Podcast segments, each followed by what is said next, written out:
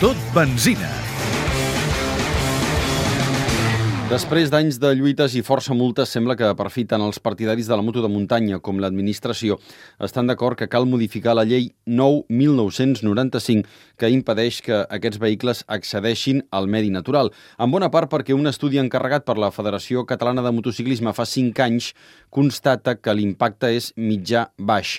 El catedràtic de Ciències Ambientals Martí Boada ha dirigit l'informe. No hi ha res que no tingui impacte, però no té segurament bueno, la dimensió, per exemple, en emissions, que és una cosa que ens interessa molt, la, el nombre total d'emissions de totes les motos de, eh, que practiquen eh, muntanya a, a Catalunya és d'unes dues tones. Un vol de Barcelona a Madrid eh, amb 100 passatgers és de, eh, produeix 8 tones. Arribar a una solució definitiva serà llarg i feixuc perquè, entre altres coses, s'està pensant que els ajuntaments del país cataloguin camins i racons per on podrien passar les motos. Per tant, no es pot dir que, de moment, els qui tornessin a la muntanya en zones prohibides no serien multats. Però la Secretaria General de l'Esport treballa per convèncer la Conselleria de Medi Ambient.